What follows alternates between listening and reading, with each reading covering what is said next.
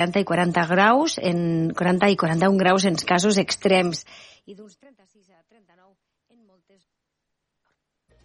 Notícies en xarxa.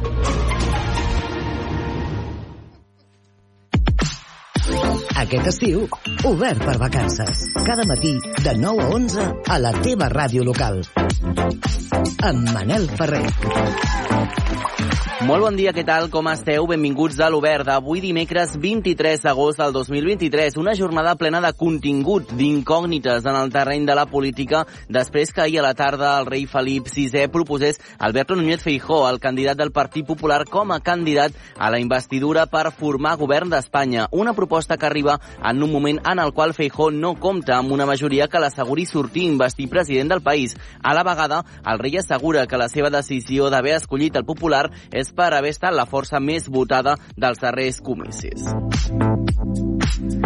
Si Feijó no obté la majoria absoluta de la cambra, al cap de 48 hores se celebrarà una altra votació. Aleshores, només caldrà obtenir una majoria simple, és a dir, més vots a favor que en contra. Si finalment el candidat no és investit, comença a córrer el calendari i hi ha un termini de dos mesos perquè algun presidiable eh, sigui investit o no les Corts, eh, si no, es dissoldran automàticament i hi haurà una repetició electoral al cap de 54 dies. I a Tenerife sembla que cada cop la situació és més estable i que l'incendi que crema des de fa més d'una setmana està donant treva a alguns dels veïns de la illa. Ahir els veïns de 7 dels 12 municipis afectats van poder tornar a casa. L'incendi de Tenerife, que va començar el 15 d'agost, ha afectat més de 14.600 hectàrees repartides en 12 municipis i en un perímetre de 88 quilòmetres.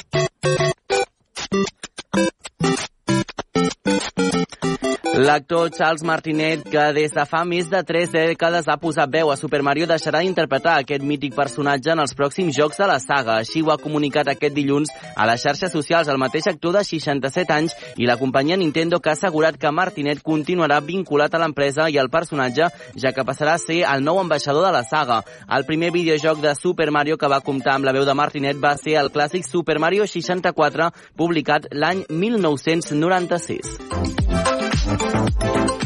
I en el programa d'avui descobrirem què és l'Spotting. També parlarem del projecte Pilot Atenea i que té com a protagonistes a cinc municipis catalans. A més, ens aficionarem a la marxa nòrdica i avui sí, avui toca sortejar una entrada doble per anar al Saló del Manga a l'Espai Z.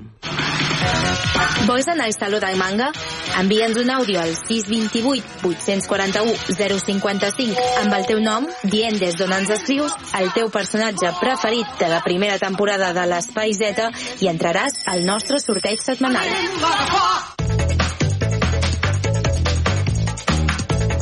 9 i 6, ràpidament hem d'anar cap a Vic, on ens espera l'Eudal Puig. Bon dia, Eudal. Avui cap a on anirem?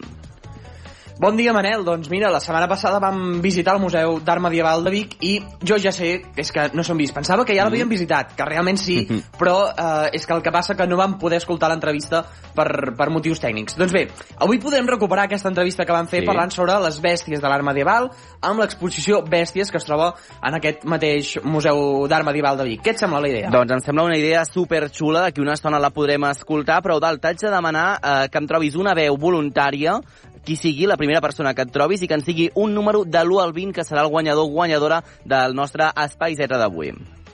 Perfecte. Mira, avui hi ha sort perquè m'he mogut fins a la redacció Molt bé. per, per poder descobrir alguna persona. A veure. Um, bon dia, em, em pots dir un número? Bon dia. Un número de, de, De de, quin 20. era, Manel? De l'u al 20. De l'1 al 20, endavant. El 24. No, de l'1 al 20. Ah, el 16. El 16. Molt bé, doncs el 16 del nostre número guanyador. Gràcies a Eudal, gràcies també a la veu eh, incògnita innocent que avui ens ha acompanyat, el número 16. Gràcies, Eudal, fins aquí una estona. Fins després, vagi bé. Obert per vacances amb Manel Ferrer.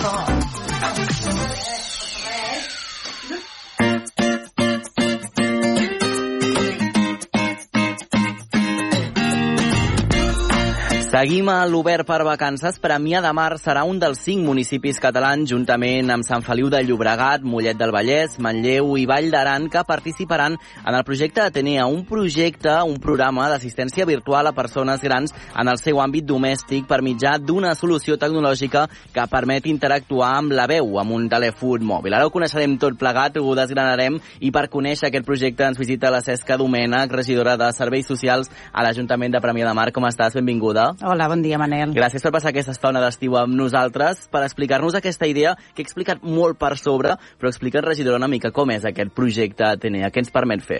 Molt bé, primer de, primer de tot, gràcies per convidar-nos, perquè és un projecte molt interessant en el qual tenim la sort de participar, mm -hmm. I està molt bé doncs, que el puguem donar a conèixer. Eh, aquest projecte es diu Atenea, és de digitalització humana, com el seu mm -hmm. nom indica, i eh, diguem que nosaltres hem estat seleccionats, hem estat afortunats doncs, que ens toqués aquest projecte. Com sabeu, doncs, arrel de la pandèmia de la Covid-19, doncs, la Unió Europea ha posat en marxa els fons Next Generation, doncs, amb, amb tots els àmbits de, del govern, i en aquest cas doncs, en l'àmbit de, dels drets socials, doncs eh, hi ha unes línies que van de la Unió Europea al Ministeri de Derechos uh -huh. Sociales i d'aquí a la Generalitat de Catalunya, doncs, que va fer diferents línies de, de mm, subvencions per projectes, molts d'ells enfocats a això, doncs a la digitalització uh -huh.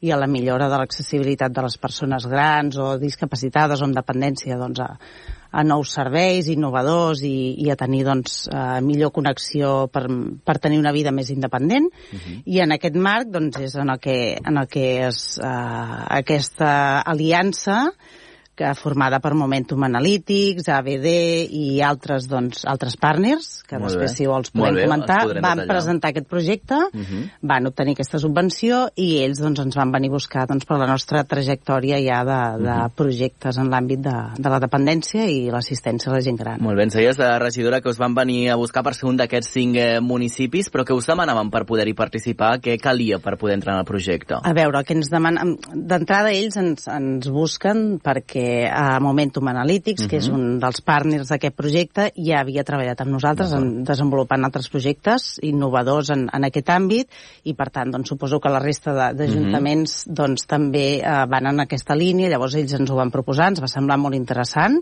És un projecte pilot, per tant, doncs, això té un inici i un Clar. final, i això servirà doncs, com un banc de proves, però ens semblava doncs, molt interessant poder participar en aquest projecte per ajudar uh -huh. a construir aquesta solució tecnològica i, per altra banda, doncs, per donar una oportunitat a, a 100 persones o 100 famílies de, de Premià. Molt bé, després parlarem de terminis i de plaços, però quins són els primers o les primeres passes que heu començat a fer amb aquest eh, projecte? Doncs mira, com, com sabeu, eh, tot el tema dels fons Next Generation doncs, s'ha de gestionar molt ràpid perquè hi ha uns terminis i hi ha doncs, eh, moltes, molts tràmits que s'han de fer, però sí que nosaltres, i per això estem a finals de juliol en aquesta situació, eh?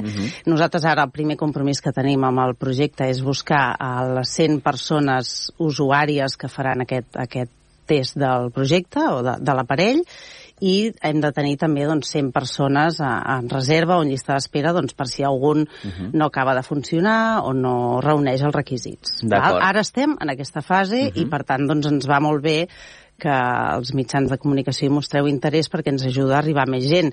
I com bé deies, doncs els altres municipis que Mhm. també hi participen, suposo que també estan en aquesta en mateixa aquest, fase. En aquest punt, eh? Sí. Uh, de moment, qui ha estat eh, convidat a participar? És gent que s'ha interessat per al projecte? Els heu anat a buscar a vosaltres? Quanta gent teniu ja dins del projecte? Mira, nosaltres a Premià de Mar vam començar a posar la mirada en el projecte Radars, en els usuaris del projecte Radars, que segur doncs, que la majoria de- Sí. d'oients el coneixen. Que funciona molt bé, hem de dir, regidora, eh? La veritat és que sí. Jo, jo acabo d'aterrar, per tant, el mèrit no és meu, és, és de l'equip, òbviament, i, però sí que funciona molt bé i doncs, pels que no ho conegueu és un projecte que neix a, la, a Barcelona, a la ciutat de Barcelona, s'ha expandit a, a molts territoris i consisteix doncs, en, en detectar persones en situació de solitud no volguda i tot això a nosaltres doncs, ens va molt bé perquè forma part de la nostra estratègia de lluita contra la solitud i per tant doncs, tindrem, tenim i tindrem altres iniciatives en aquest aspecte. Per tant, primer, contactem amb la gent de radars i amb els seus voluntaris, amb les seves famílies, per veure si podrien estar interessats.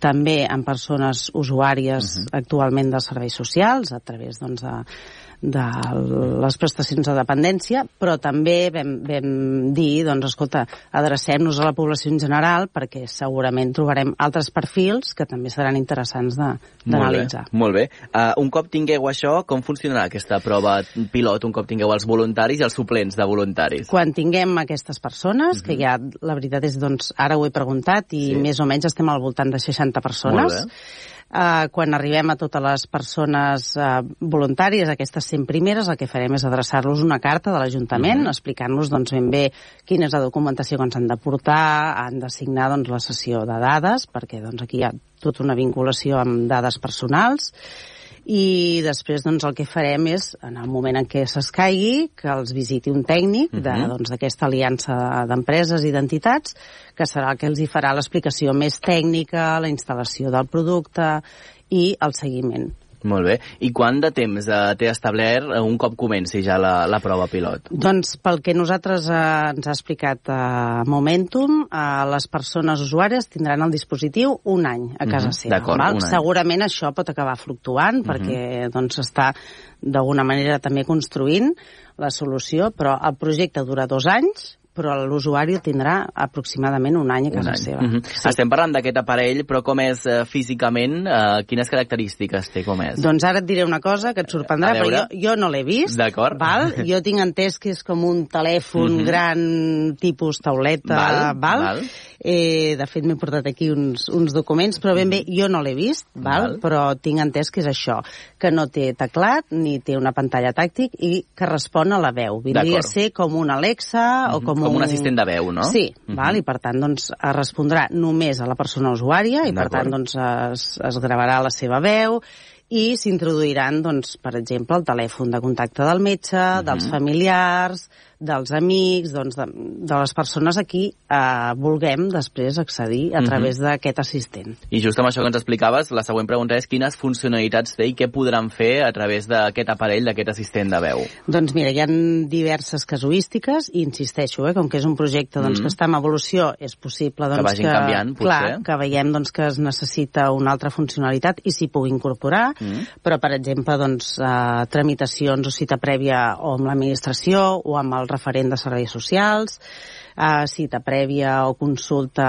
amb, amb la salut, Mhm. val? Amb, el, amb el referent del CAP, a compres, val? a compres, gestions bancàries, a comprar una targeta de transport públic, Mhm.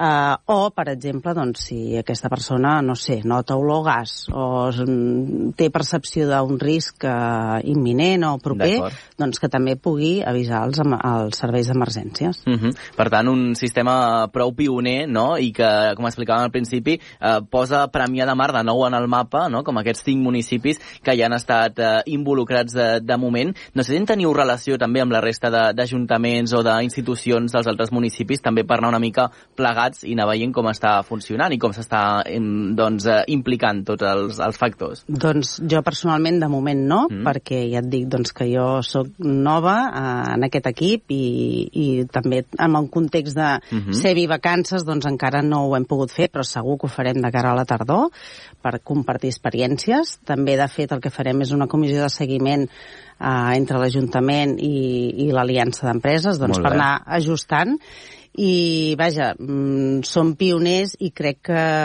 estem obligats a ser-ho perquè el context doncs, d'envelliment de la població és, és doncs, molt important, ens ha de preocupar. Uh -huh. Eh, el 2040, m'he- estic eh, Sí, mirant sí. unes dades que m'he apuntat que les he refrescat, el 2040 està previst que a Catalunya el 26% de la població tingui més de 65 anys, amb un context doncs, de que la gent viu molts anys i viu amb molta salut, Mm. mm. però que quan arriben a situacions de dependència doncs, això ens obliga a estar doncs, amatents a solucions que permetin a la gent viure a casa seva el màxim Mhm. de temps, amb la seva xarxa, amb la seva comunitat i endarrerir al màxim les situacions doncs, d'incorporació a una residència o un recurs d'aquest tipus. Molt bé. Ens explicaves fa una estona que hi ha una seixantena de participants de moment de voluntaris. Entenc que hi ha una part de confidencialitat, però quins perfils eh, omplen aquestes eh, 60 persones?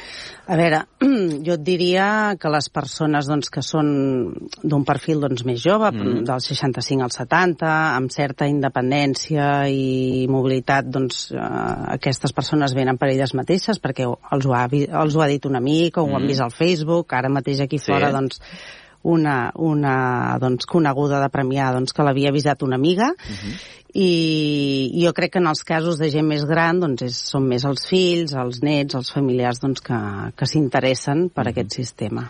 Al principi de l'entrevista parlàvem també de la resta de partners que participen d'aquest projecte. Qui més hi ha involucrat? Doncs mira, eh, primer de tot, doncs, no com a partners, però sinó com a, com a finançadors doncs, a la Unió Europea i al Departament de Drets Socials, i doncs aquí participen doncs, des de Parlem Telecom, a Microsoft o Samsung mm. o la Secretaria de Polítiques Digitals de, del Govern de Catalunya doncs, per aportar a tot uh, aquest àmbit més de ciberseguretat, també amb Mhm. l'Agència de Ciberseguretat i clar, aquí hi ha, hi ha un tema de dades personals doncs, Clar. que és molt sensible i una mica doncs, que, que ajuden amb, amb tot el desenvolupament tecnològic. També hi ha l'Institut de Bioètica de la Universitat de Barcelona doncs, per fer seguiment d'aquest projecte i, i mm, els promotors són Momentum Analytics, que és una, doncs, una consultora que es dedica a la intel·ligència artificial aplicada doncs, a la inclusió en, en les ciutats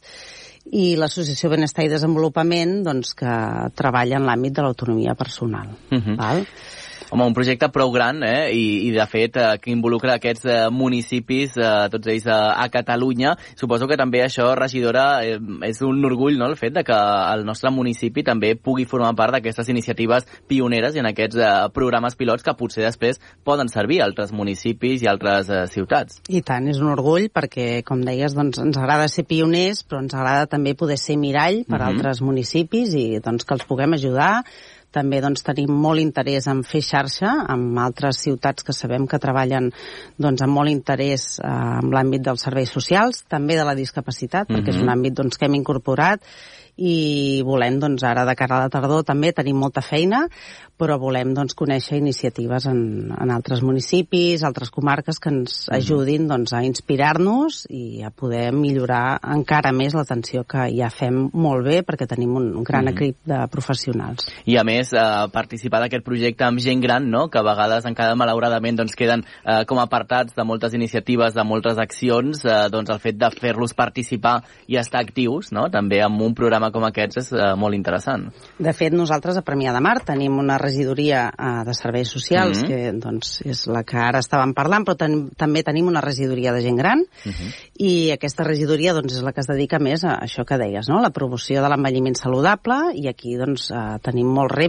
com és la lluita contra la bretxa digital, que afecta molt clarament a les persones grans, i aquí doncs, hem de fer molta formació, que es mantinguin saludables, no? amb una bona alimentació, amb una activitat física, activitat doncs, d'aprenentatge constant i per tant doncs, eh, aprenentatge i, i per tant donar mm, eh, actualitat o capacitat cognitiva i tot això doncs, el que fa és mantenir aquestes persones el que dèiem, no? Més saludables durant més temps i evitant la dependència i també tenint una xarxa de persones de suport, participant en la vida comunitària, participant a les entitats, etc. Molt bé, doncs aquest projecte, com ens deies que ha caigut també en aquestes setmanes d'estiu, no? potser això també doncs, fa que aquesta cerca de voluntaris també trigui una mica més, no? que si ho féssim en un eh, mes segurament de, de curs més ràpid, no? eh, però que segurament entenc que al setembre començarà ja a, a rodar no? de manera més ràpida. I tant, i tant, esperem que sí, setembre, octubre, doncs que ja tot això ja tingui, no? Ho puguem tastar i fins i tot doncs puguem veure casos Mhm. pràctics a,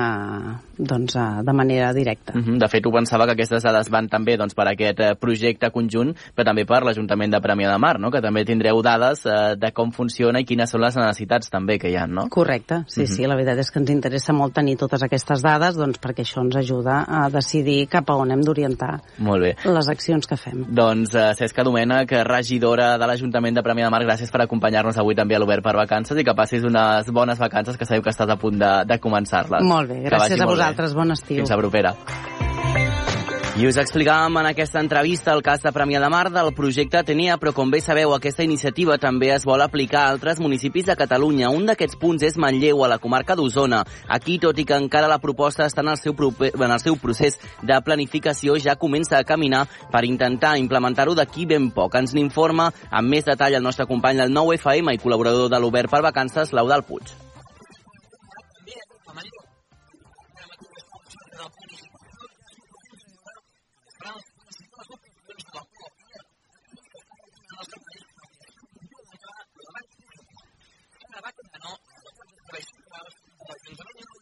En principi ho volem començar els propers mesos, però encara no tenim una data delimitada. Ens hem adonat, sobretot des d'aquí dels serveis socials, que venen molta gent amb dificultats de gestió de totes aquestes gestions burocràtiques que ara les hem de fer eh, per internet, per telèfon, que t'has d'esperar mitja hora perquè et contesti una persona. Aquesta dificultat les, les persones grans amb més incapacitat tecnològica eh, tenen doncs és molt difícil per elles fer aquestes gestions.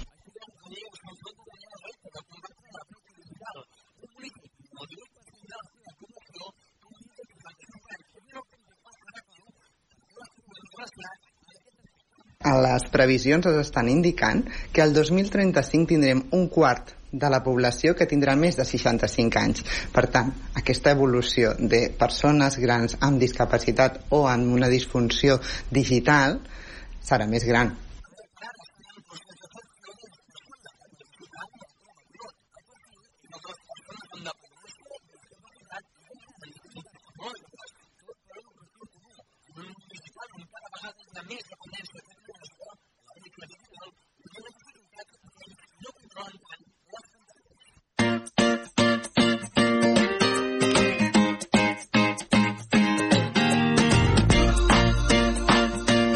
Segur que alguna vegada t'has creuat amb persones soles o en grup caminant a bon ritme per parcs, jardins o entorns rurals equipats amb bastons. Doncs aquests són aficionats a la marxa nòrdica i avui a l'Obert per Vacances ens volem centrar en aquesta modalitat esportiva i ho fem parlant amb Gonzalo Gil, guia de marxa nòrdica i copropietari d'una empresa familiar a l'Espluga de Francolí dedicada al turisme actiu que s'anomena Drac Actiu. Molt bon dia, Gonzalo, com estàs? Hola, molt bon dia, molt bé. Gràcies per acompanyar-nos i qui es troba amb ell en aquests moments i amb bastons, espero a les mans, és el nostre company de l'Espluga FM Ràdio, el Pep Morató. Bon dia, Pep. Estàs a punt ja per aquesta caminada matinal? Molt bon dia, Manel. Sort que encara som de matí perquè, perquè si no ja, ja començaríem a, a, a suar de valent, però sí que primer m'agradaria doncs, comentar-li no, al Gonzalo aquesta modalitat, no? què és exactament la, la marxa nòrdica i si també suaríem tant com si anéssim a fer bicicleta. Gonzalo, molt bon dia de nou. Això, no? Expliqui'ns, defineix-nos què és la marxa nòrdica.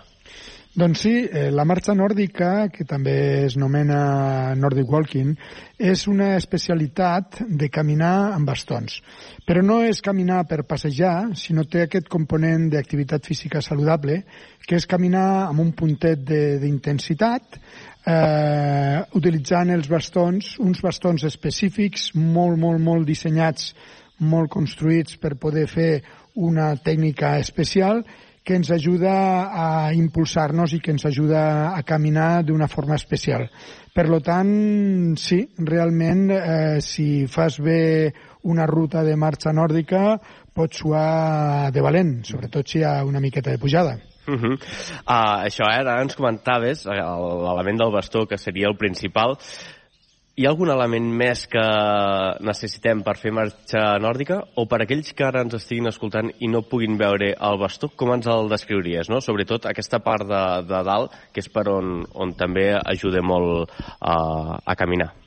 Bueno, de fet, eh, caminar amb bastons eh, se pot caminar amb qualsevol tipus de bastons eh, i, i sobretot pues, eh, el senderisme s'utilitzen uns bastons però que en aquest cas estan dissenyats per fer un punt de recolzament. O sigui, el bastó té una cinta a la part de dalt i una varilla que pesa cap a la punta i, i serveix per apoyar. Eh, en aquest cas, la marxa nòrdica té un bastó específicament dissenyat amb una dragonera que es diu, o una, una cinta dalt de tot, però que és com una mena de guant, eh, amb mà dreta i mà esquerra, que el que et permet és fixar eh, el bastó al, a la mà i al canell. I en aquest cas el que facilita és que en el moment de ficar el pal a terra no s'utilitza de recolzament, d'apoyo, sinó que el que s'utilitza és d'impuls. I de lo que estàs fent és a cada caminada, a cada pas, tu t'estàs impulsant amb els bastons. Per lo tant, la part de dalt té aquesta dragonera, la varilla també ja és especial perquè està compensada al, al, a la part del grip i per lo tant tot està fet perquè en aquest cas eh, quan tu camines eh, puguis fer puguis ajudar-te amb tot el que és el tren superior, tot el que és mm els braços, tot el que és el tronc. Gonzalo, ens has donat eh, moltes eh, pistes, però quina diferència hi hauria entre els bastons habituals que es fan servir per la muntanya i els que també es fan servir per la marxa nòrdica? És això, és el que he comentat. En primer lloc, eh, el que és la cinta de dalt, mm. eh, en el cas de la marxa nòrdica, és com un guant que te, fi, te permet ficar... Eh, és com un arnès, eh, que te permet ficar la mà i se lliga amb un velcro i queda fixada a la mà. En aquest cas, la dragonera normalment és, és extraïble de lo que és el bastó i el que permet és que quan tu espenys el bastó, lo que és la tirilla, la, la, lo que és la, la, la part de la dragonera, és la que fa la força per poder impulsar. I després, lo que és la varilla, el que és el bastó, també és una mica diferent perquè eh, el que he comentat, no, normalment estan fets de fibra de carboni, de manera que el contrapès del carbó, aquí el bastó està més al mànec. El bastó de senderisme està més a la punta, a la punta de baix, i el que fa el bastó de senderisme és ficar-se dret per, per, per recolzar, per, per, per tindre una mica d'apollo. En el cas de la marxa nòrdica, no. El bastó va en diagonal i el que fas tu és espenye cada vegada que fas un pas, cada vegada que fas una abraçada. Per tant, el bastó és, és diferent, tot i que caminar amb bastons es pot fer amb tot, però el bastó de la marxa nòrdica està expressament dissenyat per fer això, Nordic Walking. Uh -huh. De fet, eh, tu ets un gran coneixedor de tot aquest camp. Quins podríem dir que són els principals avantatges o beneficis de practicar la marxa nòrdica comparada amb altres activitats físiques que puguem fer? Bueno, d'entrada s'ha demostrat, a més nosaltres eh, a l'INEF, soc professor a l'INEF, hem fet diferents estudis i hem demostrat que el caminar és un dels, eh, bueno, dels, eh, de les activitats físiques, dels exercicis més, adult, més saludables que hi ha. Sobretot perquè a la gent gran o a la gent ja amb una mica d'edat eh, ens ajuda a fer una activitat eh, d'una intensitat adequada. Mm. La diferència amb la marxa nòrdica de caminar sense bastons és que, a més de moure el que són les cames, el tren inferior que es diu, mous tot el que és del tronc i del tren superior. Mous els braços, eh, potències tot el que és la musculatura del bíceps, del tríceps, del pectoral, tot el tronc. Ah, llavors, amb la mateixa, el mateix recorregut, fas eh, el doble de, de, de, de, de, moviment, el doble d'esforç i, per lo tant, amb una intensitat igual estàs treballant molt més. A més a més, eh, la utilització del bastó el que fa a la gent que tenim ja una edat i una mica de problemes pues, articulars o de sobrepès, el que fa és que eh, disminueix l'impacte i la compressió amb aquestes articulacions i està totalment recomanat. Avui en dia no només està recomanat per la gent normal que pugui fer rutes saludables, sinó amb moltes malalties cardiovasculars, de càncers, de fibromialgia. Se, específicament se, de, se diagnostica i se recomana el poder fer la marxa nòrdica. Per tant, estem davant d'un exercici extraordinari com a activitat física i per a la salut. Um, en aquest cas, uh, ho parlàvem no, abans, que és una, és una modalitat que, que ha arribat doncs, dels països nòrdics. Des de Drac Actiu, no, empresa amb turisme actiu, heu vist com aquesta modalitat s'ha anat posant més de moda i ara cada cop són més les persones que volen practicar-lo? Doncs sí, perquè d'alguna manera és el fet de poder fer una activitat física outdoor, a l'exterior, de baix impacte, però amb, un, amb uns beneficis no només físics, que ja ho he dit, potència tot el que són les cames, el tronc, el tren superior, sinó també a nivell mental. Avui en dia la gent necessita sortir eh, a, a caminar, a sortir, a, a prendre contacte amb la natura, ara que estem aquí caminant amb el soroll dels, dels ocells. Això és un benefici integral i, per lo tant, no és que s'hagi ficat de moda, és que jo crec que cada vegada més la gent necessita utilitzar el seu temps per poder fer activitat física saludable i en aquest cas la marxa nòrdica és extraordinària i evidentment que va, va a l'alça.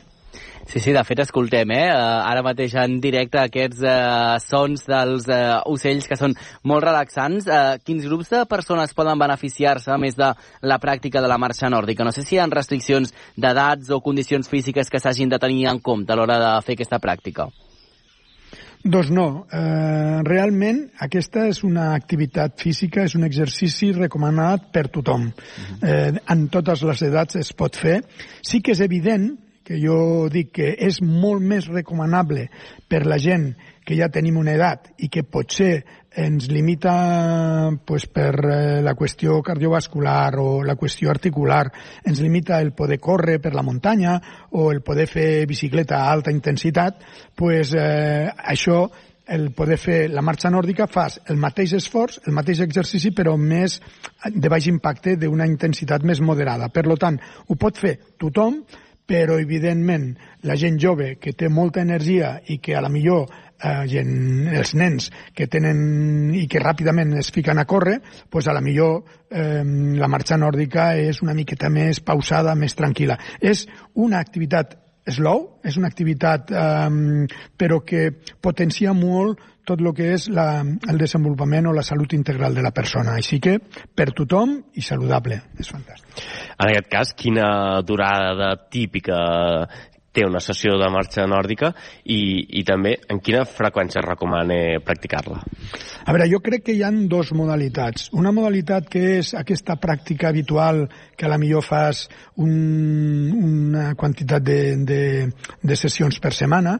En aquest cas, amb una activitat de tres quarts o d'una hora seria suficient, perquè en aquest cas se surt, ja dic, eh, amb, una, amb, una, amb un ritme eh, alegre. Eh?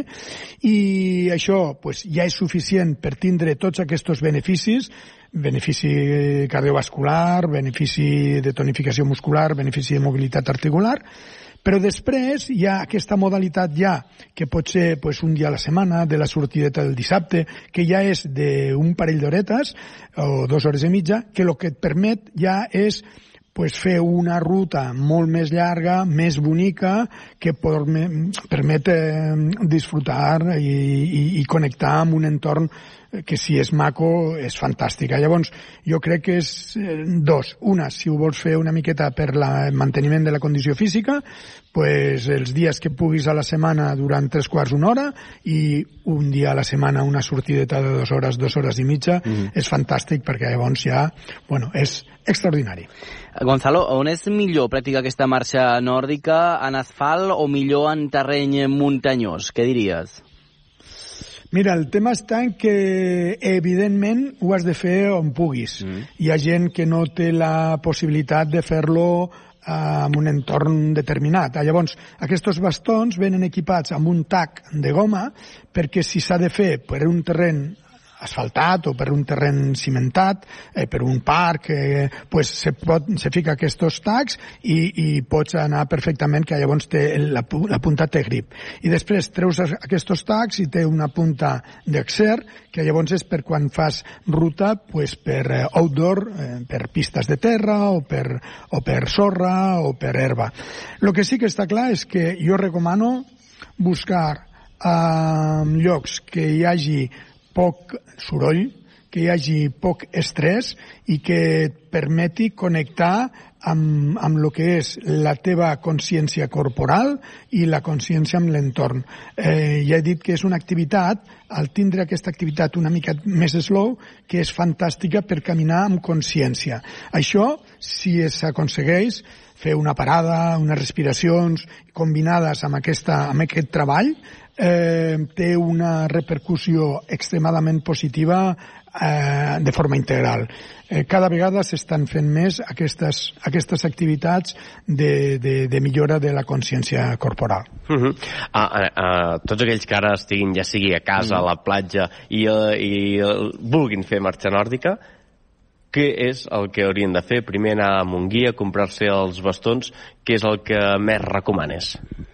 Evidentment, eh, que s'ha de fer és eh, conèixer i entendre una miqueta la tècnica de, de la marxa nòrdica, que és diferent al caminar amb bastons tipus senderisme. És una mica diferent. Per tant, jo recomano sí o sí el poder anar amb, amb algun instructor, amb algun grupet ja organitzat, amb un, un guia que et pugui donar les quatre consignes de la tècnica que s'ha de fer per poder començar a caminar. És extraordinàriament fàcil, tot i que s'ha d'aprendre, el que té és que quan més bé ho fas, quan més bé fas la tècnica de la, de, de la marxa, eh, més beneficis tens. Ah, llavors, una, començar és per a mi imprescindible que algú t'ensenyi una mica, que et mostri una mica com se fa i que et doni els consells per poder lligar una miqueta, eh, la coordinació, la postura corporal, el tema de la, de la, de i, del, i, del, i de la projecció, i després practicar. El tema és intentar que cada vegada que pugui sortir, agafar els bastonets i anar fent.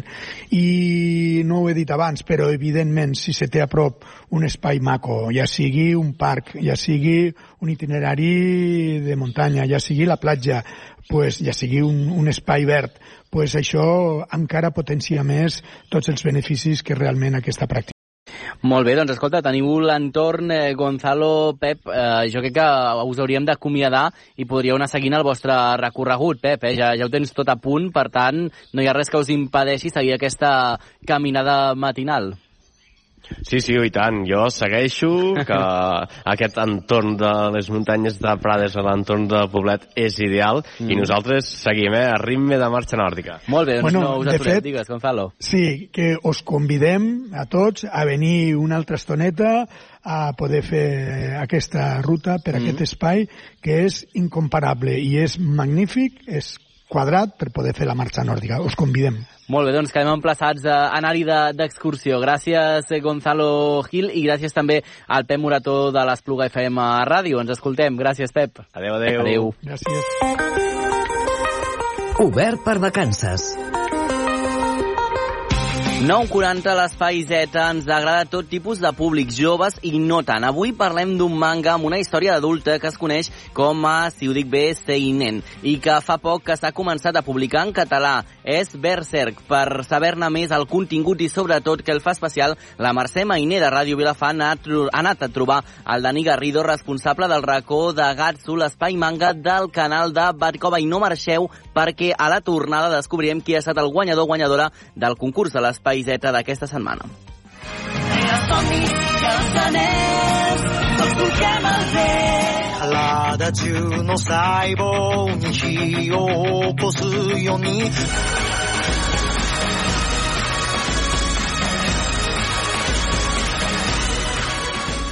Berserk és una història d'aventura medieval fantàstica creada per Kentaro Miura a l'any 1987, que últimament, eh, bueno, últimament, eh, ja fa uns anys, eh, està considerada una, una obra de, de culte. Eh, últimament segurament s'ha fet eh, més famosa, ja que han tingut diversos animes i, i sembla que molta més gent eh, ha pogut arribar-hi. Ara que, per exemple, aquí a Espanya hem, hem tingut eh, diverses edicions d'aquest manga. I jo fa molts anys que el segueixo.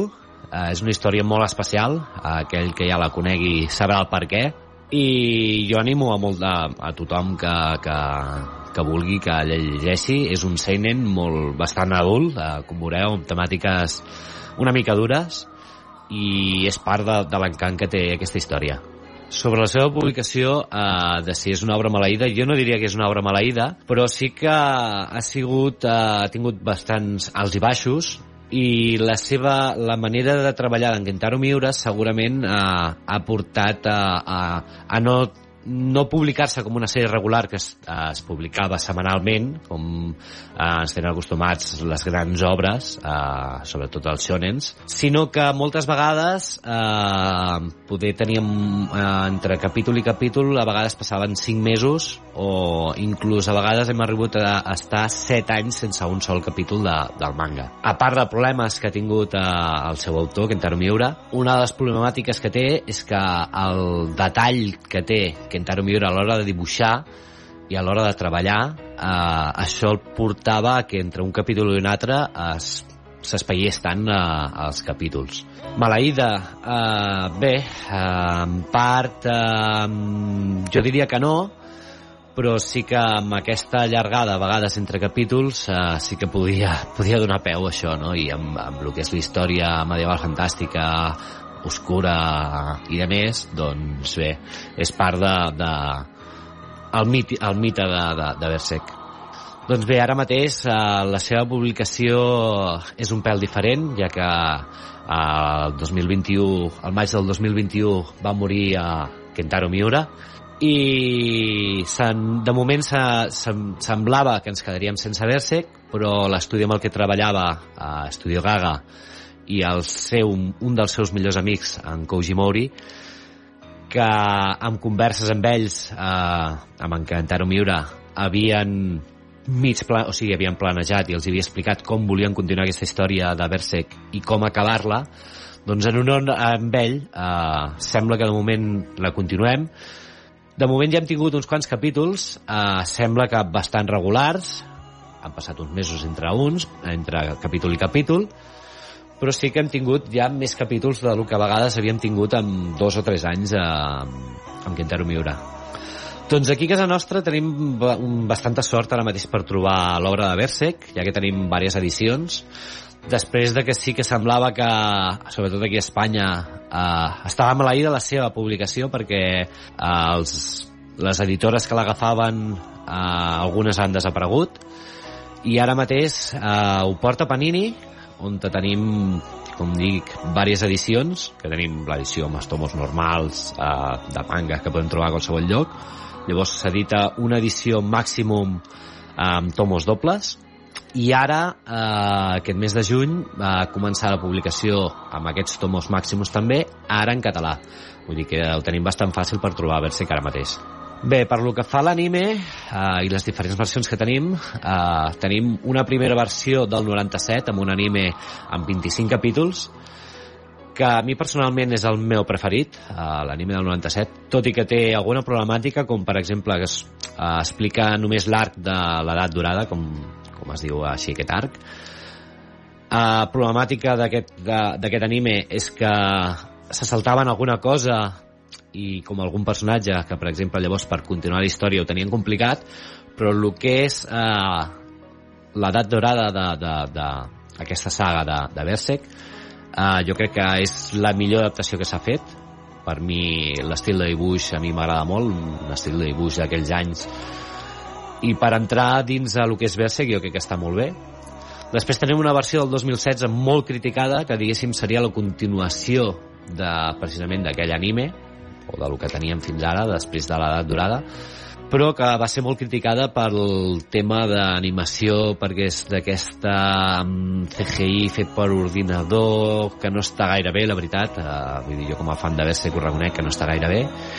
I després tenim les magnífiques oves que amb tres pel·lícules ens resumeixen també l'edat daurada i la Memorial Edition, en format sèrie d'aquestes tres pel·lícules que es van fer després de la mort de, de Kentaro Miura per uh, fer-li un fer-li un, un homenatge en l'autor. Uh, com està ara mateix uh, si podríem tenir un anime que adapti tota l'obra? Jo ho veig complicat ara mateix per més que res pel tema de publicació del manga perquè començar un anime uh, el que més segur que passaria ja passa amb les històries normals que es, que es, eh, es publiquen regularment cada setmana, que atrapen eh, l'anime, atrapa el manga, eh, aquesta és la major problemàtica que té a l'hora de fer un anime adaptat tota l'obra, perquè el més segur és que atrapessin l'obra de seguit. Els tres personatges eh, que més destacaria són els tres personatges principals, eh, que serien Griffith, Gatsu i Kiaska, que són els, el, diguéssim, el vol dolent i, i, i el personatge que està entre tots dos, que seria la Kiaska, i seria els tres eh, protagonistes d'aquesta història. Doncs, eh, doncs si crec que podem trobar el final de l'obra aviat, jo crec que encara no. Tot i que ja han dit que ara el que havia començat, l'últim que havia escrit eh, Kentaro Miura i havia publicat eh, era el final d'una saga i ja va dir que la següent era l'última. Jo crec que encara ens falta ens falta bastant per poder veure Berserk acabat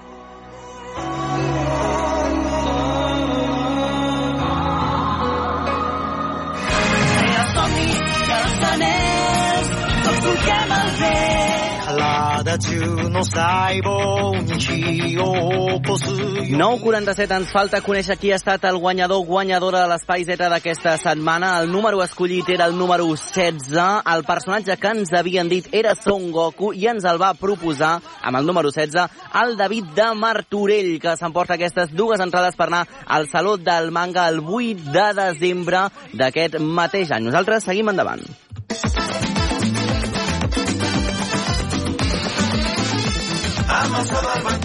I aquest so ens porta cap al ventilador, als rumberos del ventilador. En els darreres dècades, la rumba catalana ha rebut una nova empenta amb grups tan emblemàtics com el de Los Manolos o el dels germans David i José Manuel Muñoz dels d'Estopa. En el capítol d'avui dedicat a la rumba, Xavi Collado afina una mica més a la definició del ventilador, aquest estil, segell i marca característica de la rumba catalana i ho fa amb l'ajuda d'alguns components dels Manolos i també d'Estopa.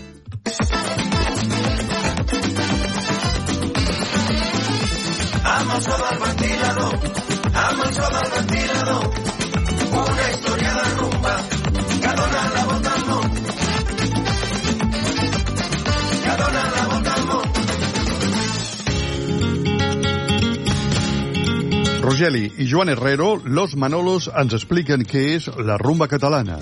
És la nostra música pop d'aquí de Catalunya. És la nostra, és la nostra música popular d'aquí. És una barreja d'influències d'anades i vingudes del Carib, junt amb el flamenc, i com deia el Paret també amb toque de rock and roll. I què és la rumba catalana? És festa, vitalitat, alegria, passar-s'ho bé, en moments que tots tenim, que millor no arriba al final de mes, o tenim problemes. I és la gran diferència amb la rumba flamenca, és la temàtica de les lletres, que són sempre desenfadades de festa, també en temes d'amor. I la diferència amb, el, amb, el, amb, el, amb la rumba flamenca és més marginal, les lletres de, que si el talego, que si la droga i tal. Aquesta és la gran, allò grosso modo que seria la rumba catalana. La rumba catalana, també subscric una mica que el Joan, és música urbana, ara que es parla tant de músiques urbanes, eh, és música urbana, perquè de fet neix a la ciutat, i a la ciutat és on es troba la gent, perquè les persones som nòmades, encara que pensem que no som nòmades. Aleshores, doncs, al lloc de trobades dels, dels, dels nòmades són les ciutats. I llavors aquesta barreja de, de motxilles i de bagatges varis són els que es queden lloc a músiques populars com és la rumba catalana que és la música popular, la música de casa. Aleshores, com deia el Paret, que deia que la rumba catalana és rock and roll i, i mambo. Rock and roll, mambo, i en el cas nostre doncs, que a casa hem escoltat Copla, Antonio Machín hem escoltat Gardel, hem escoltat totes les músiques, els Beatles, Elvis doncs la música és barreja, sempre. Vull dir, no hi ha puresa en res, tota la música és barreja. I la rumba catalana si es pot definir com un element gastronòmic seria com una escudella barrejada, on tot, quan es posa a bullir, queda boníssim. I hi ha un concepte que és important, que la rumba catalana és elegància.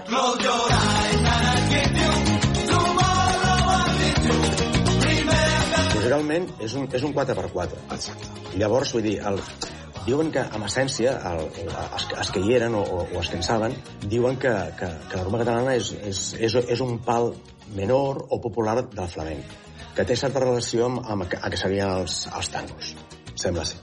Aleshores, com que és un, és un ritme popular del seu 4x4, bàsicament la, la, la gràcia de la rumba catalana o la, o la seva singularitat va ser que quan, quan es va començar a tocar es va passar un, un, de tocar més o menys flamenc a, a fer-ho més popular i aleshores doncs, era, era un ritme que se'n diu el ritme del ventilador que com explicava el Gato Pérez junta l'harmonia i la percussió vull dir que amb, una, amb una sola guitarra pots fer ritme i pots fer harmonia i, i el 104x4 és una cosa que ve doncs, fins una.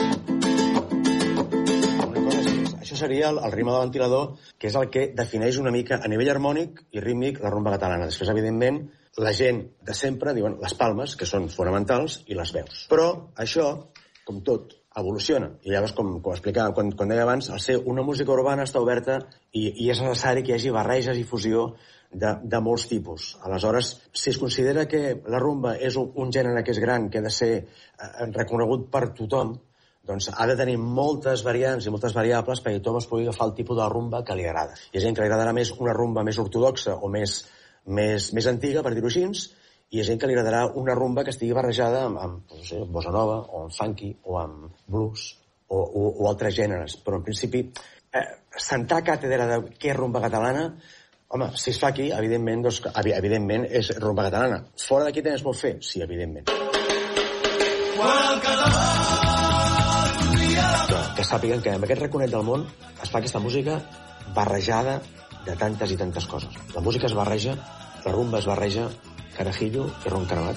Escudella i Puigero venen, venen de la mà. Si, Si camines per les Rambles, troba gent d'aquí i d'allà. Amb històries saboroses. Que junts podem celebrar.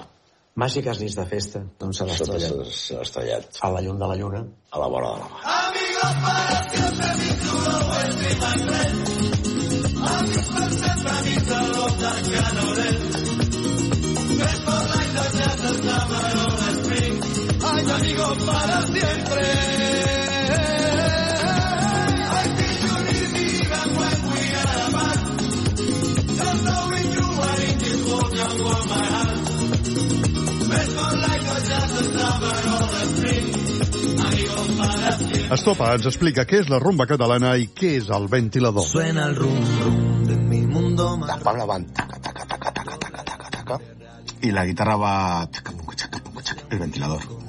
Racachica, racachica. Y no tiene por qué ser cantada en catalán. Es más un sonido que, que, un, que un idioma, ¿no? Como camarón.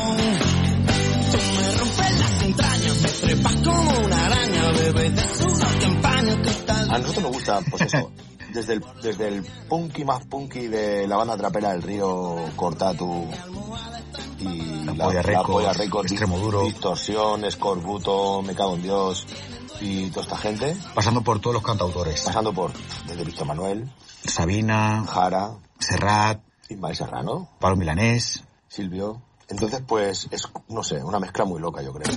Hay pistolas que descargadas se me disparan. Todos los relojes me separan y no me encuentro ya ni en la cama. Amapolas son los suspiros de tus escamas, que son los tiros que dan al alma. Si quieres verme estoy en la rama.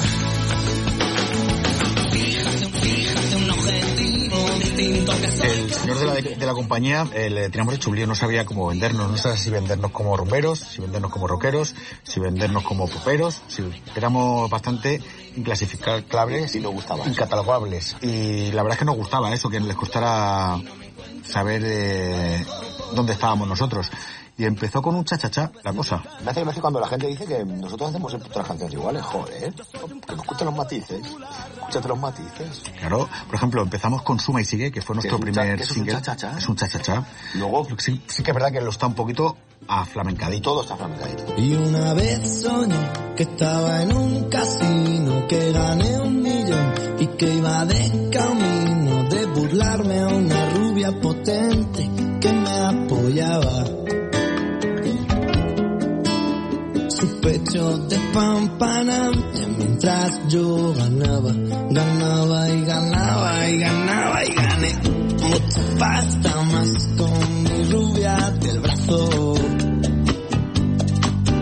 y jurando a las tragaperras me agencié otro quilazo. Suma y sigue, sube, sale la pasta. Luego, pues la Raja de Falda es una rumba catalana, al uso. La de Cacho a Cacho eh, era un rock, pero un rock... mm, rock. Rock 1A, Como Camarón también. como Camarón también. Luego hay otras canciones más, más lentas, tan solo. El del medio de los chichos. Em, también fue... Y todos los discos han sido así. O sea, no, no hemos hecho, yo creo que dos canciones en el mismo disco iguales. Nunca hemos hecho una parecida a Tu Calorro. Nunca hemos hecho una parecida al del medio de los chichos, ni a la raja de tu falda. Ni lo hemos pensado a la hora de componer. Vamos a hacer un arroyo este que esta gustó mucho. Jamás. Cerebros perdidos. Recordeu, aquest documental el trobareu a la xarxa més. Nosaltres marxem a notícies i tornem amb més obert per vacances. Fins ara. la xarxa de comunicació local. Propostes en xarxa. Any 1443. Artesa de Segre.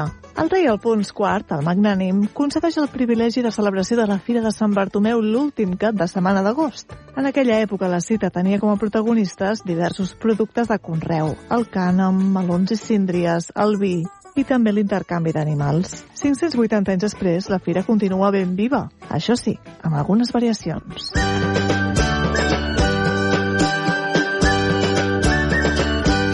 Amb el pas dels segles, la mecanització del conreu i la febre mercantil han fet que la Fira de Sant Bartomeu s'hagi anat adaptant als nous temps, substituint el bestiar per exposicions de maquinària agrícola, però també mostrant treballs artesanals que es continuen reivindicant malgrat la modernitat.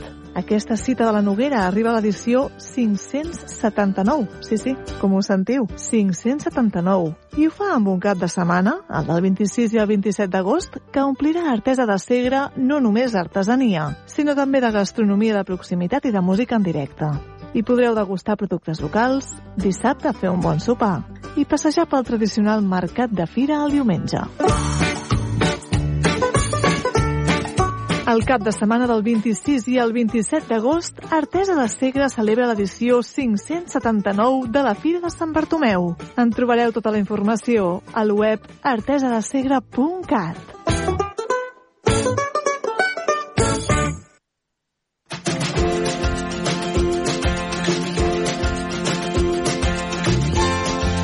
Viatges quilòmetre zero, amb l'escriptora Núria Esponellà. Recorregut de cap vespre. Se m'ha fet tard i vull fer una sortida breu per escampar la boira. Aniré fins a unes basses que es troben vora el riu més proper. El sol ja declina i aviat serà fosc, però entre una hora i l'altra s'estén el cap vespre. Agafo el tractoret i obro el vidre de davant de bat a bat, que entri tot l'aire. Passo per una carretera local que travessa un poble petit i em desvio per un camí de terra que desemboca la bassa més gran. Fa una mica de vent i això m'interessa, perquè el cel s'ha començat a tenyir de rosa i porpra. Vull arribar a temps per poder captar aquests moments amb la càmera del mòbil, a veure si tinc sort. M'interessa el paisatge, no acostumo a fer-me selfies. El camí de baixada em permet aparcar gairebé tocar l'aigua. Capto el joc de llums del cap al tar i respiro fort, volent atrapar un moment irrepetible.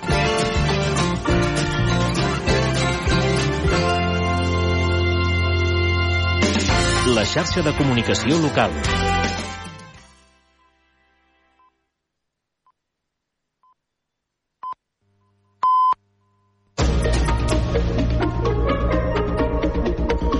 Notícies en xarxa. Bon dia, són les 10. Us parla Pili Garcia. Una nena de 8 anys ha perdut la vida en un incendi a un càmping de Montblanc. Pepe Ardila, des de Ràdio Montblanc. Què ens pots explicar? Bon dia. Bon dia. L'accident ha tingut lloc al voltant, un incendi, vaja, ha tingut lloc al voltant de les 5 de la matinada, moment en què els sistemes d'emergència s'han activat ràpidament. De fet, des del càmping de l'Ajuntament de Montblanc asseguren que la ràpida actuació dels bombers ha evitat un, un incendi molt major. Eh, el càmping de Montblanc està en una zona forestal i, per tant, envoltada de pins i, i d'arbres, i s'ha de lamentar, com dèiem, la mort, la mort d'aquesta menor, una nena de, de 8 anys. Ara mateix la comitiva judicial ja és a l'interior del càmping per fer l'aixecament del cadàver. També hi ha eh, bombers i Mossos d'Esquadra.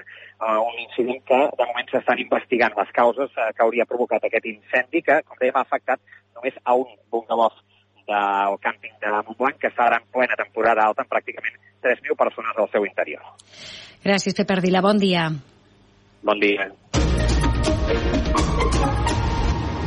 La circulació de trens entre Mora, la Nova i Reus ha quedat restablerta a un quart de deu del matí. Un cop tècnics d'Adif han finalitzat les, tasques, les tasques de reparació de la infraestructura afectada pel descarrilament d'un tren. La circulació ferroviària ha estat hores tallada i ha afectat la línia R15 de Rodalies. I continua un dia donada de calor que s'ha d'allargar fins divendres amb temperatures de més de 40 graus en alguns punts del territori i un risc d'incendis alt o molt a la bona part del país. Es mantenen les restriccions per accedir als espais naturals entre Barcelona i Girona s'han tallat els accessos al parc de Collserola i també al massís de les Gavarres. I la forta creu que estem visquent aquest estiu combinat amb la manca de pluja dels darrers mesos poden provocar un augment de la població de vespa asiàtica en alguns punts de Catalunya de cara a la propera tardor. Ona Codinenca, Roger Mas. Alguns municipis catalans, com és el cas de Sant Feliu de Codines, estan duent a terme des de ja fa mesos campanyes de trampeig per combatre la presència de la vespa asiàtica. Aquestes campanyes